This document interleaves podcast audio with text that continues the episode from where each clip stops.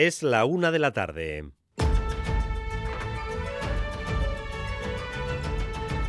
Crónica de Euskadi con Dani Álvarez. A Rachaldeón, esta tarde Euskadi enfilará el camino hacia las próximas elecciones autonómicas. El Lendakari comparecerá a las seis y media de la tarde para anunciar la fecha de las elecciones.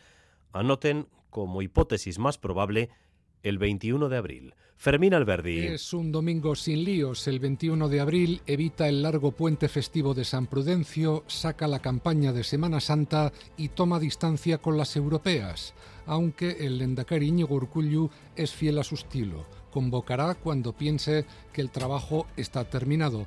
A pesar de su duelo personal, tras despedirse del Parlamento y de los líderes de los partidos que le han apoyado, el Endacari tendrá unos minutos esta tarde casi de intimidad con su consejo antes de comparecer ante la sociedad vasca a las seis y media para anunciar esa fecha electoral. Esa comparecencia que podrán escuchar en directo aquí en Radio Euskadi se producirá tras un consejo de gobierno efectivamente en el que además se aprobará el decreto de normalización del euskera en el sector público y también otra medida relacionada con Osakidecha. Más de 1.400 puestos de la sanidad pública pasarán a ser estructurales. Miquel Saez. Sí, concretamente serán 1.431 plazas más que las actuales, con lo que la plantilla estructural del Servicio Vasco de Salud va a contar con algo más de 32.400 puestos de trabajo. Desde el Departamento de Salud han confirmado que esta ampliación de la plantilla estructural va a recibir luz verde en el Consejo de Gobierno que se va a celebrar esta tarde. Cuatro años y medio de prisión para Dani Alves por violación.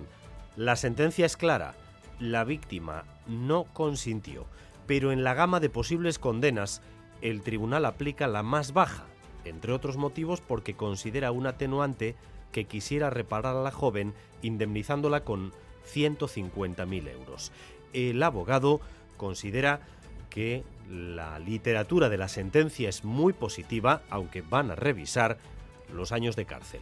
Es una condena que reconoce eh, lo que hemos sabido siempre, la verdad de la víctima y el sufrimiento que, ha habido, con lo cual en ese aspecto debemos estar satisfechos y contentos por ella y por eh, todas y, nada, tenemos que acabar de revisar si el contenido completo de la sentencia, si la gravedad de la pena se ajusta a la gravedad de los hechos que, que pasaron.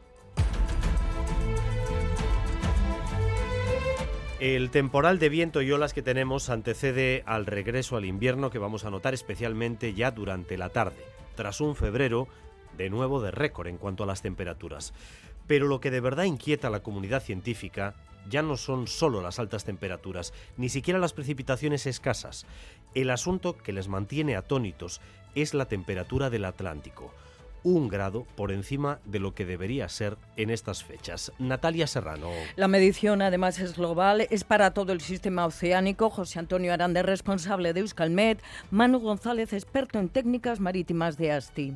Atlántico está medio grado por encima de los máximos históricos para esta época del año. Y eso es una auténtica barbaridad, está dejando totalmente sorprendidos. En la boya de Donostico no ha bajado de 13 grados, cuando lo habitual es que días fríos, pues con temperaturas en torno a 11, 11 grados y medio, el incremento paulatino comenzó desde mediados de 2022, pero se acelera provocando las marinas de calor y también el cambio de las corrientes. Iberdrola y Repsol volvieron a ganar miles de millones de euros en 2023.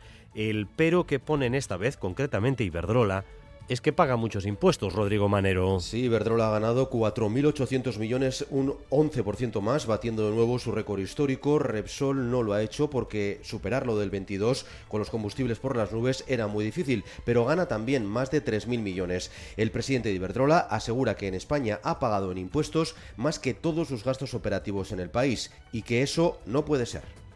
Y vamos también con lo más destacado del deporte con César Pérez Gazola. Zarracha León, César. A este don Dani conoceremos a los terceros semifinalistas del Parejas de Pelota, con una novedad destacada porque Iñaki Artola con gastroenteritis no va a poder jugar esta tarde en el Beotíbar de Tolosa, entre su lugar Urruti, que hará pareja con Anderima. Se medirán a Joaquín Altuna y Martija. Las cuentas son claras, los que lleguen a 22 pasan a semifinales, los que pierdan deberán ir a repesca y aún tendrán otra oportunidad de seguir con vida en el campeonato.